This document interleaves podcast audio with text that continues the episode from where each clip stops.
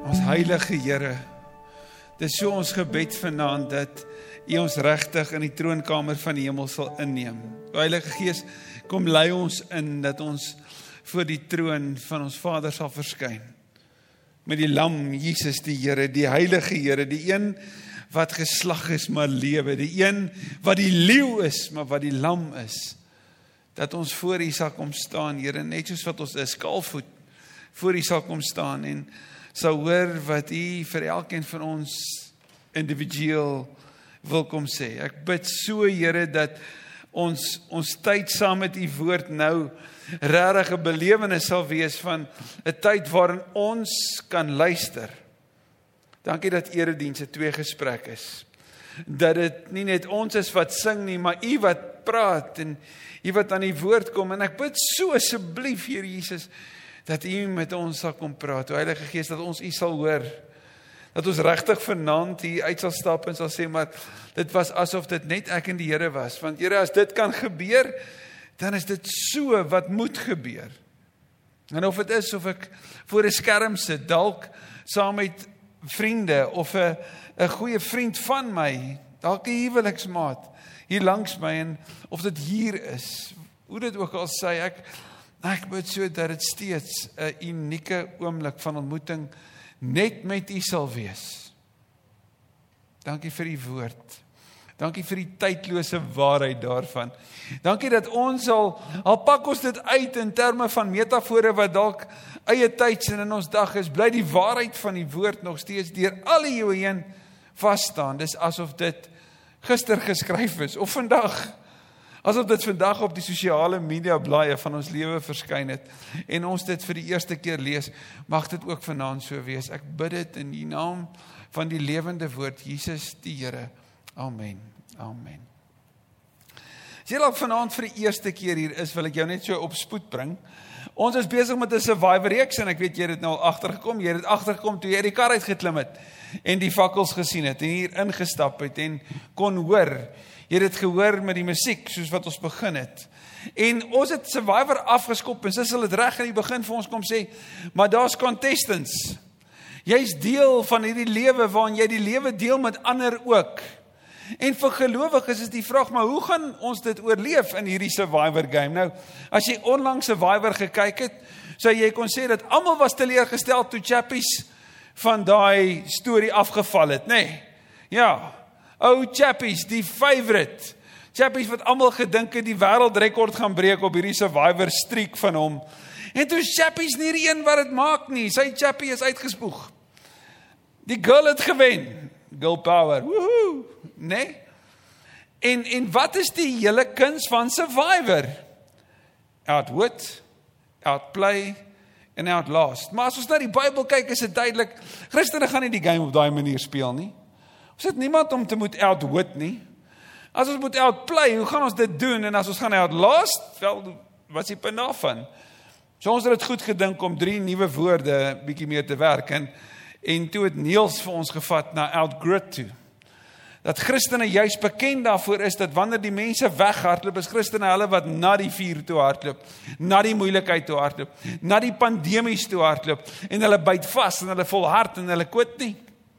Want hulle sê dis die Here binne in ons wat ons in staat stel om te volhard. So hoe gaan ons dit maak in hierdie wêreld en hierdie game van survivor? Ons gaan net grit. Ons gaan vasbyt.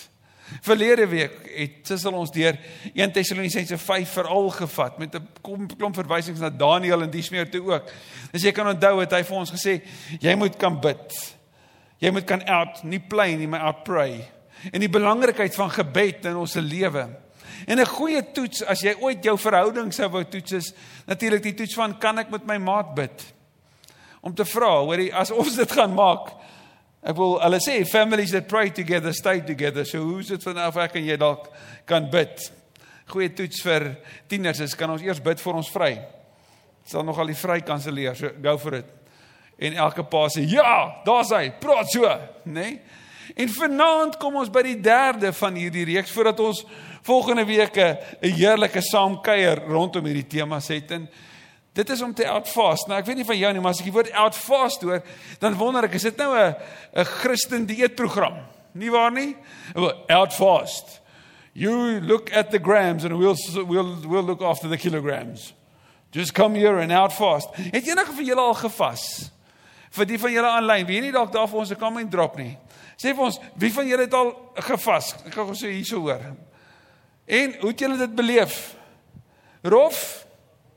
Jy was honger? Is dit nie interessant nie? Dis al dat wanneer ons op 'n gewoonlik is dit op 'n sending uitreik wat jy vas. Dis die weetste ding. Ons gaan uitreik, maar nou reik ons in. Jy moet eers hierso 'n bietjie ons laat raak. En die dag gewoonlik op 'n uitreik is daar een dag wat jy vas. En daai dag wat jy vas is die ding wat jy die hele dag doen is wat? Om te praat oor kos. Die punt is dat jy moet eintlik bid. Kyk, jy moet eers weer jou kop seer kom van die koffie wat jy nie gedrink het in die oggend nie en jy dit jou verlange daarna. Maar dan later deur die dag wanneer die hongerpynne kom en jy regtig nie meer lekker voel nie en die bloedsuiker val en die energie is laag, is die enigste ding wat jy na soek is enige stuk kos wat jy in die hande kan kry, selfs die koekies wat jy saamgebring het in so 'n versoeking. Maar maar is dit wat die Bybel na verwys? En as ons praat van out fast, waarvan moet ons vas? En wat is die sin daarvan? Ek wil in die nuwe mediese wetenskap kom sê hulle vir ons daar's hierdie hierdie tendens van wat hulle noem intermittent fasting. Dat jy byvoorbeeld in die aand eet en dan eet jy eers vir die volgende dag hier by 10 uur 12 uur rond. En dat jy in die proses gee vir jou liggaam 'n kans om amper weer aan die gang te kom. Jou metabolisme skop weer in. Jou selle is besig om hulle self te herstel. Dis goed vir jou bloedsuiker en 'n klomp dinge. So dis medies gesproke vir jou liggaam goed om te vas. Soos julle kan sien ek vas nie. Ehm um, en en so dit is goed vir jou. Maar wat dan as ons praat van ons geestelike liggaam? Paulus sê dit is goed vir jou liggaam om te oefen. So die teks waarna ons vanaand gaan kyk is 'n teks uit die eerste brief van Johannes. Nou 1 Johannes is 'n kommentaar op 1 2 en 3 Johannes is 'n kommentaar op die evangelie van Johannes. En jy gaan die vyf hoofstukke van 1 Johannes 'n baie intense samevatting van die Johannes evangelie kry. So wil nie asseblief saam met my blaai na 1 Johannes hoofstuk 2 toe nie. 1 Johannes 2. Ek lees vir ons vanaf vers 1, ons gaan die eerste 6 verse saam lees. Dis dit dalk op jou foon is, is jy welkom om ons daar ook te volg. Dit skrywe ek aan julle my liewe kinders dat julle nie moet sondig nie. As jy in jou Bybel ooit sou onderstreep, kyk net daar, dat julle nie moet sondig nie. En as een van ons sondig, kyk mooi gaan hy van die hele na die ons, want hy sluit homself daarbey in natuurlik, nê? Ons het Jesus Christus die regverdige as voorspraak by die Vader. Hy is die verzoening vir ons sondes en nie net vir ons sondes nie, maar ook vir die van die hele wêreld.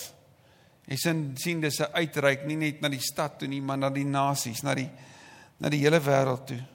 As ons die gebooie van God gehoorsaam, weet ons daaraan dat ons hom ken. Iemand wat sê ek ken hom, maar nie sy gebooie gehoorsaam nie, is 'n leienaar en die waarheid is nie in hom nie. Wie sy woord egter gehoorsaam en hom met die liefde van God werklik sy doel volkome bereik.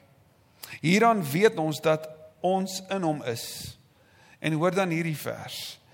Wie beweer dat hy in hom bly, behoort self ook te lewe soos Jesus gelewe het. Wie beweer dat hy in hom bly, behoort ook die Jesus lewe te leef. So waarvan moet ons uitvast? Natuurlik sonde. En die Griekse woord vir sonde is die woord hamartano en jy gaan hamartano kan verduidelik aan die een kant as om jou doel te mis. Dis om die doel te mis in verhoudings, die doel te mis in die lewe, die doel te mis vir geleenthede wat voor jou was waarin jy verskil kon maak. Hamartano is die sonde van wat hulle sê omission, dit wat jy moes doen en nie gedoen het nie, en commission, dit wat jy moes doen en toe nie gedoen het nie. Ek wil toe jy dit verkeerd doen. Jy moes dit nie doen nie. Toe doen jy dit. En toe jy hierdie wel moes doen, toe jy net nie dit gedoen nie. Dis hamartano. Hoekom is sonde so 'n groot ding? Weet jy wat doen sonde reg daar aan die begin van Genesis? Wanneer sonde oor Adam en Eva kom? Behalwe dat hulle onmiddellik die blame skuif, nê? Ek bedoel Adam sê dis Eva, sy het vir my die, die die appel gegee. En die Eva sê dit is die slang, hy het van die appel gegee en die slang sê regtig? Ons skuif mos altyd die blame. Ons kruip weg. Ons probeer dit toemaak en ons skuif die blame. En wat is die rede daarvoor? Skaamte. Sonde bring skaamte. Hier's vir jou 'n paar gedagtes oor sonde. Die eerste ding oor sonde is nie wat jy doen nie, maar teen wie jy dit doen. So met ander woorde, dis nie die intensiteit noodwendig net van wat jy doen nie, maar jy sondig teen die heilige God. Ek bedoel as ek nou hier uit sou stap en vir Cornelle klap teen die gesig sal gee, behalwe dat Jolandi my gaan aanrand, is dit omtrent die gevolg wat dit sou hê. Maar gestel nou voor ek sou nou gaan na een van die presidente van hierdie wêreld en ek gaan doen dieselfde. Die gevolge sal bietjie anders wees. Hoekom? Want hulle sal sê jy het die president geklap, jy het dit gewag. Nou as ons sondig en ons sondig teen die heilige God, dan maak dit nie saak wat jy gedoen het nie, maar dat jy dit gedoen het teen hom. En as ek en jy enigsins 'n idee het van hoe heilig en hoe rein en hoe groot die allerheiligste God is, dan sal die laaste ding wees wat jy in die lewe sou wou doen is om te sondig. Veral as jy weet hoe lief hy jou het. Ons sonde breek sy hart. Sonde verbreek verhoudings. Sonde is so intens dat dit die vermoë het om dit wat mooi is te verbreek. Sonde verdraai. Dit wat mooi is, verdraai dit. Dit bring die lelik na vore. Want sonde skep nie van self nie. Sonde vat dit wat bestaan en verdraai dit. En maak dit lelik. En die hartseer daarvan is dat dit verhoudings verbreek en, en hoekom is dit so belangrik vir jou en my om te weet dat dit is wat sonde doen? Want God is 'n God van verhoudings. God Vader, Seun Heilige Gees het jou en my vanuit verhouding geskep vir verhouding. So wat sal sonde se direkte teenreaksie wees? Is om verwydering te bring tussen mense, om vertwyfeling te bring, om vertroue te verbreek, om verhoudings skade aan te doen. Sonde steel jou ware vreugde. Die ware vreugde wat jy het, daai vrymoedigheid wat jy het om voor God te kom staan en te kom sê Here, ek is hier sin. As die sonde daar is, dan sê jy Here, ek is skaam.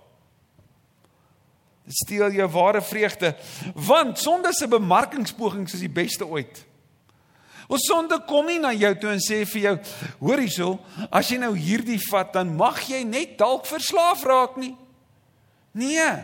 Trouwens die duiwel begin gewoonlik so. Hey man, almal doen dit. Almal doen dit. Nie omgee nie, almal doen dit. Wel daai daai rooi lig Dis nie net taksies deesdae nie, maar almal doen dit. Hulle vat dit soos 'n kredietkaart limit. Hulle sien dit as 'n target. Almal doen dit en as jy oor dit ry, wat sê hy vir jou? Kyk wat het jy gedoen? Dan is dit van ons na ek. Dis onmiddellik so, maar die bemarkingspoging het gewerk. Ek bedoel sonde word vir ons so mooi toegedraai in die mooiste pakkies met die beste advertensies. Daarom deesdae kry jy so 'n waarskuwing, this can kill you. Alcohol is addictive. Maar ek gaan 'n wyntjie drink. En ek gaan nog 'n dingetjie doen. Maar niemand sê vir jou as jy hierdie intens mee aanhou dan kan dit jou lewe ruïneer nie. Want dit steel jou ware vreugde. Want sien sonde se kuns is dit bring tydelike vreugde met 'n permanente gevolge. Tydelik voel jy dalk beter. Maar die permanensie van jou van die gevolge daarvan is dat jy regtig vir altyd bitter spyt kan wees oor daai een verkeerde keuse. Daai keer toe toe iemand vir jou gesê het, "Man, maar maar wag net nog 'n bietjie of drink net nog ietsie of ag kom ons gaan doen net daai vinnig." En daar hartseer gekom het. Groot hartseer. Wat jy nooit kan terugdraai en dit wegvat nie. Dis wat sonde doen. Ons sien sonde is lewensgevaarlik. Dis ek en jy wil sien hoe ernstig is God oor sonde, kyk na die kruis. Hoekom was die kruis nodig? Want dis hoe intens sonde is en dis hoe intens die gevolge van sonde is. En as ek en jy se vra, okay, maar nou maar wie pas nou hier in? Want sien, hoe hoe hoe meet ons onsself gewoonlik? Ons sê altyd ek kan bietjie beter wees, maar ek's darm nie so sleg soos daai nie. Wat sê ons by 'n begrafnis? Hy was 'n goeie mens. Sy was 'n goeie mens. En en ek ek seker dit is so maar ek kan nie in die hemel kom en vir die Here sê ek was darem 'n goeie mens nie. Want sien, kom ons maak net eenvoudige wiskunde. Wie van julle sou sê jy doen meer as 3 sondes op 'n dag? Dis omtrent almal. Ek het nie opgegaan nie, nê? Nee? Is daar van julle wat minder as 3 sondes per dag doen? Ek weet die een tannie se man steek toe sy hand op en toe sê die toe die persoon voorvra, "Maar wie is dit?" Toe sê hy, "Nee, my vrou se oorle man." 'n Vorige man, hy weet hy's oorlede, maar hy het glad nie fout gemaak nie. Apparently maak ek baie. Maar maar dis waar, nee, ons almal doen ten minste 3 sondes en kom ons wees baie swak wiskundiges. En ons sê daar's 300 dae, 365 maal met 3, ons gaan 'n baie swak wiskunde som maak. Ons sê jy doen 1000 sondes 'n jaar. En dan sê jy word gemiddelde ouderdom van 70 jaar oud. Nou kom jy met jou pakkie van 70000 sondes voor God. Voor die heilige God, die Skepper God. Gaan jy sê ek was darem 'n goeie mens? Nee. Jy gaan sê skuldig. Jy gaan sien dat God voel so ernstig oor die sonde en die gevolge daarvan in hierdie wêreld dat hy sy seun gestuur het. En wat het Jesus natuurlik gedoen? Hy het gesê tetelestai. Sonde is betaal. Die prys is betaal. Maar sien wat die Nuwe Testament vir jou en my oor sonde leer, dis belangrik, is sonde is oorwin. Die mag van sonde is oorwin. So as Johannes skryf en hy sê dat die kinders van die Vader sondig nie meer nie, dan sê hy dat 'n nuwe beweging gekom. Hulle het omgedraai. Paulus noem dit een nuwe mensheid daar vir die gemeente in Efese. Hy sê hierdie mense leef nie met 'n ander waardestelsel. Hulle het 'n ander fokus en die een ding wat hulle nie as 'n verskoning gebruik nie is ek's maar net 'n mens. Miskien natuurlik altyd die die lekker agterdeur verskoning. Ek's maar net 'n mens. Nee, die Bybel se standaard vir jou en my wandel met die Here is baie hoër as wat ons dit dalk mag maak. Ek bedoel as iemand net gewoonweg doen wat 'n Christen doen, dan dink ons hulle is rare Christene. Jy weet as hulle omgee en betrokke is en dien, hulle lewe gee, bid, die woord met liefde leef, dit konstant doen elke dag, die heeltyd. Jo, hulle is baie naby aan die Here. Nee, dis standaard hoe Christene moet wees. Dis hoe hulle moet leef. Wat sê 1 Johannes 2? Hier is 'n paar gedagtes. Eerste belangrike dat ons die kinders van ons Vader is. Nou julle, hier is die belangrike ding. As jy 'n kind van 'n ouer is, het jy al hierdie gehoor, gaan jy hierdie klere aantrek as jy so as jy uitgaan. Jy het hierdie verseker al gehoor. En as jy ouer is, het jy dit verseker al gesê. Gaan jy so uitgaan? En wat is die tipiese reaksie van die kinders? Hoekom? Wat sê die ouers dan? Wat gaan hulle van my sê? En die kinders se reaksie? Wat het my klere te doen met ma? Alles. Want as jy nie na jouself kan kyk met hoe jy daar gaan optree nie, gaan die mense dink ek kan nie na jou kyk nie. Maar sien hulle sien jou nie in isolasie nie, hulle sien jou altyd in verhouding met my. En so is dit dat ons kinders van die Vader is en as God die Vader van die familie is, dan moet ons lyk soos sy kinders. Ons moet lyk soos sy kinders in ons verhoudings, ons moet lyk soos sy kinders in ons optrede, ons moet klink soos sy kinders in ons woorde. Wanneer ons praat oor sy wêreld, moet ons klink soos sy kinders. En wat as hulle val? In Johannes 2 sê, hulle sondig nie meer nie, maar weet jy as hulle val, dan maak hulle nie op hul eie krag staat nie. Maar sien wanneer hulle in die hofsaal kom en die aanklaer die duiwel sê skuldig, dan sê Jesus ek is hulle voorspraak, ek kom staan in hulle plek. En die Vader sê hulle is vergewe. So hulle doen dit nie op hulle eie nie. Paulus sê dit. Hy sê ek worstel en soms dit wat ek wil doen, dit doen ek nie en dit wat ek nie wil doen nie, dit doen ek. En wie gaan my hiervan red? In Romeine 7, hy sê God dank hy doen dit. Sien, dit is belangrik vir jou en my om te weet dat ons moet vas van die sonde. Hoekom? Want ons is kinders van die Vader. Dit is daarom belangrik dat ons mekaar eerder sal herinner aan wie ons is, eerder as om te sê jy moenie so maak nie, jy moenie so maak nie, om eerder te sê jy's 'n kind van die Here. Kind van die Here se lewe lyk mos nie so nie. So dit pas nie by wie jy is nie. Ons is kinders van die Vader. En as ons val het ons hoop. En dan sê Paul 1 Johannes dat hierdie boodskap van verzoening moet die hele wêreld bereik. Met ander woorde, God se verzoening moet hoorbaar in ons lewe wees. Ons moet dit gaan vertel, maar dit moet ook sigbaar in ons lewe wees. As ons dis vas van die sonde, moet almal dit konstant in ons lewe sien. Jana, jy's nou hoe lank swanger? 28 weke. Het jy en Jason ooit ergens oorweeg om half swanger te wees?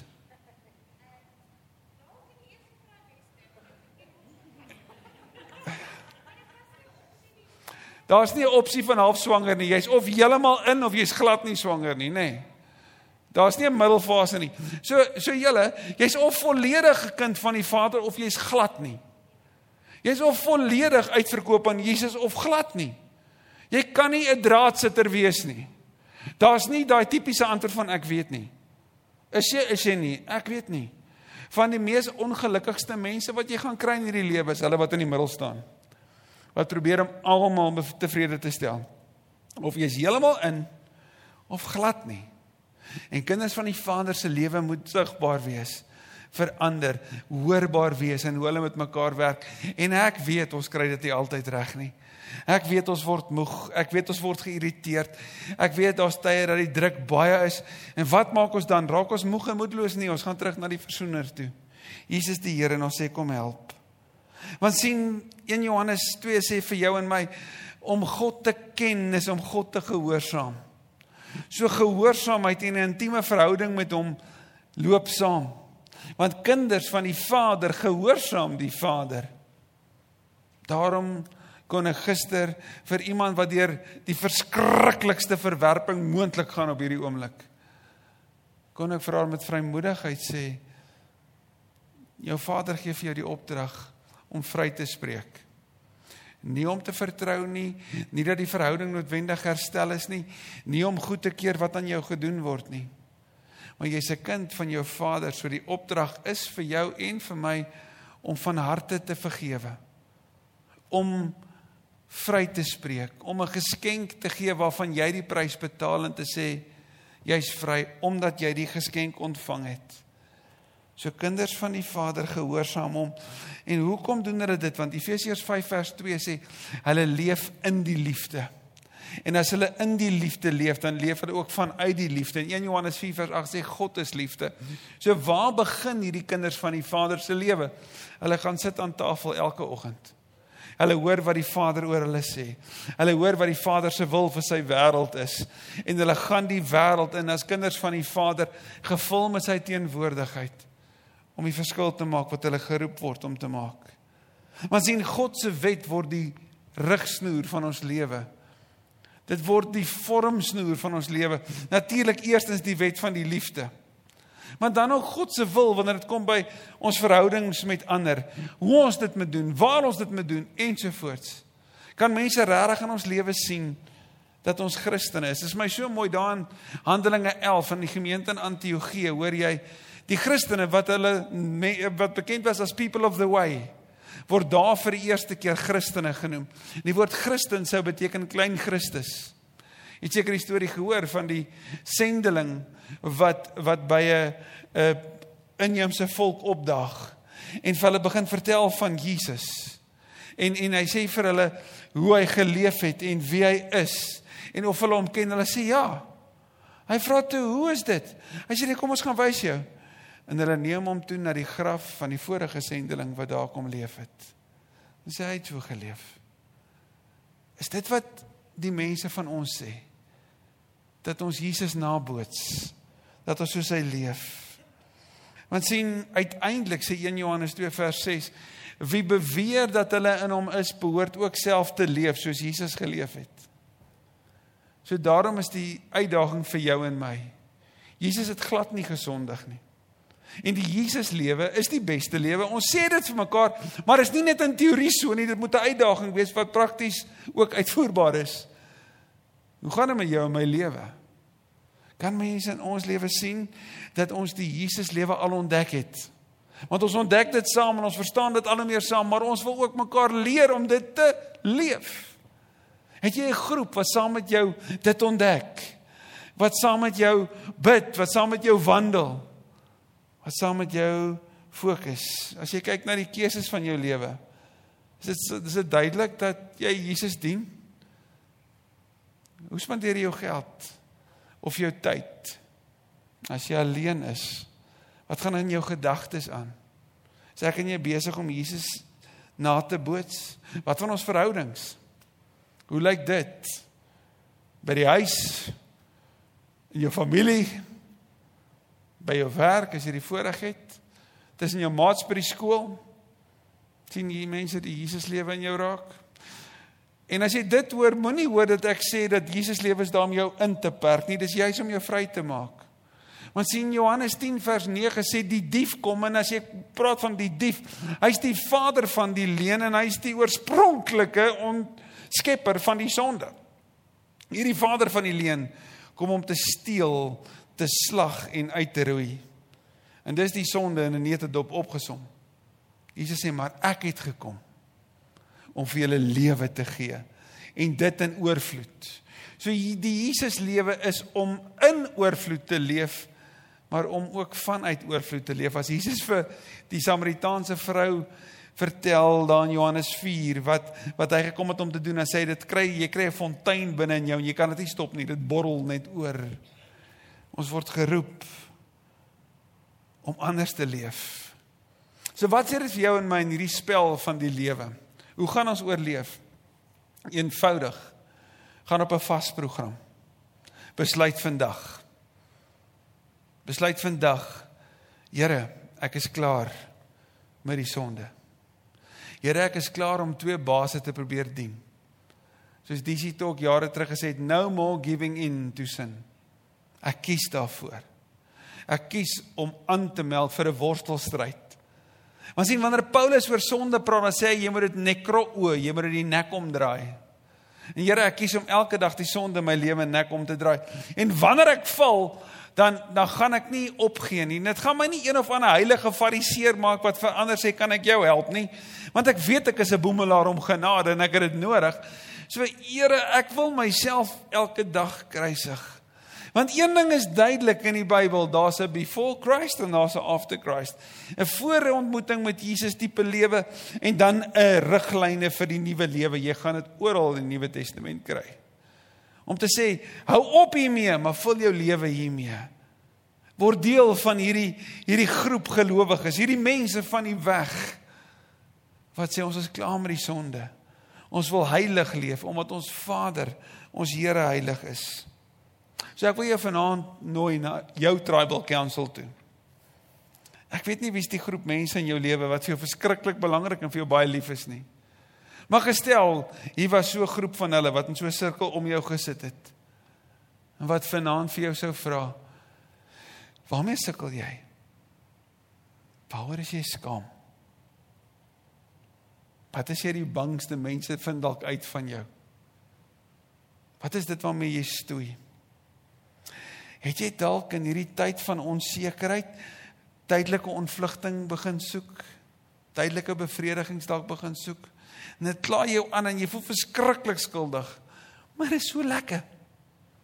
En nou dan voel jy weer so aklig. Dis daar keuses waaroor jy bitter spyt is. Weet jy wat sal hierdie geliefdes vir jou sê?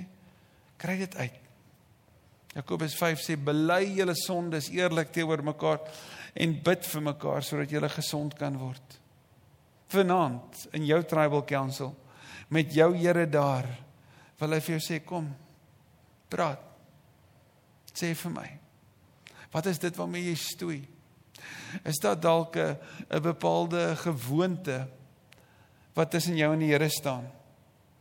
'n eerste liefde wat God moet wees wat iemand anders dalk is. En die Here sê ek wil dit hê. Die enigste manier hoe ek en jy sal survive is as ons 'n groep vriende, 'n groep gelowiges, ten minste een gelowige het wat saam met jou sal stap wat sal opdaag vir jou. Iemand wat die moeilike vrae sal vra.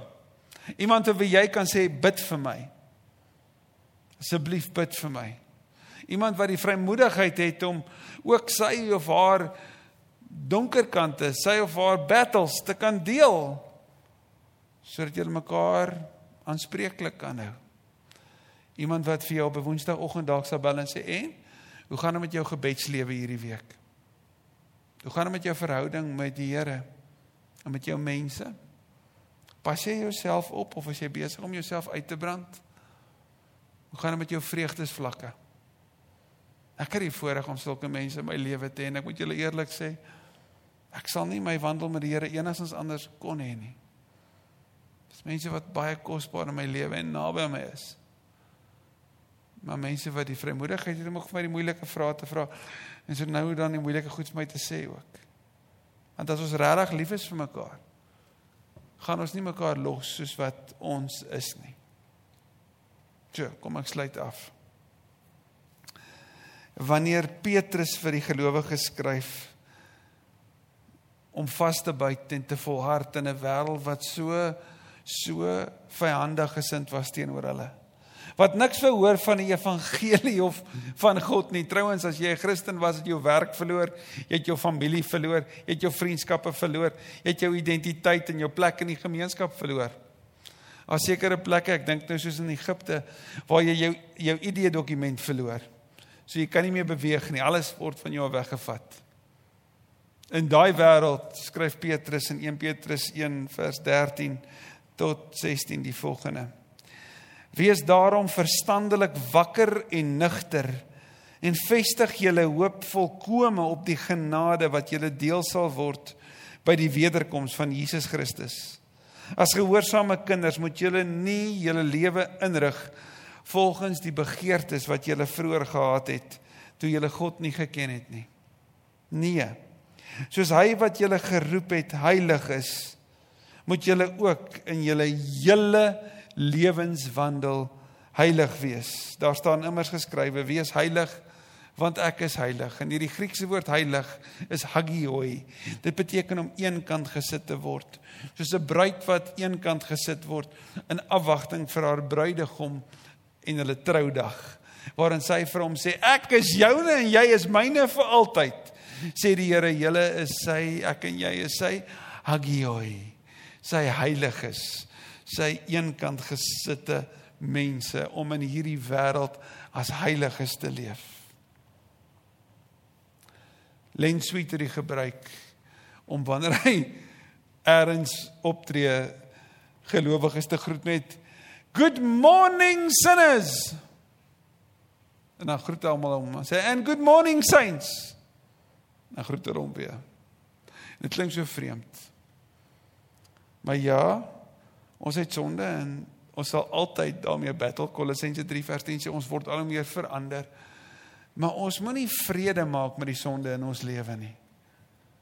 Ons moet mekaar herinner om te outfast.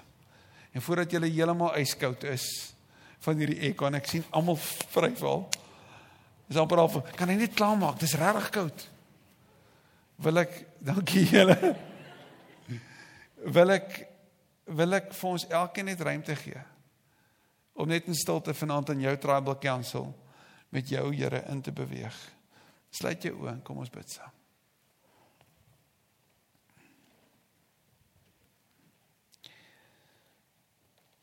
Here vanaand het U baie dinge duidelik gemaak in ons lewe vanuit U woord.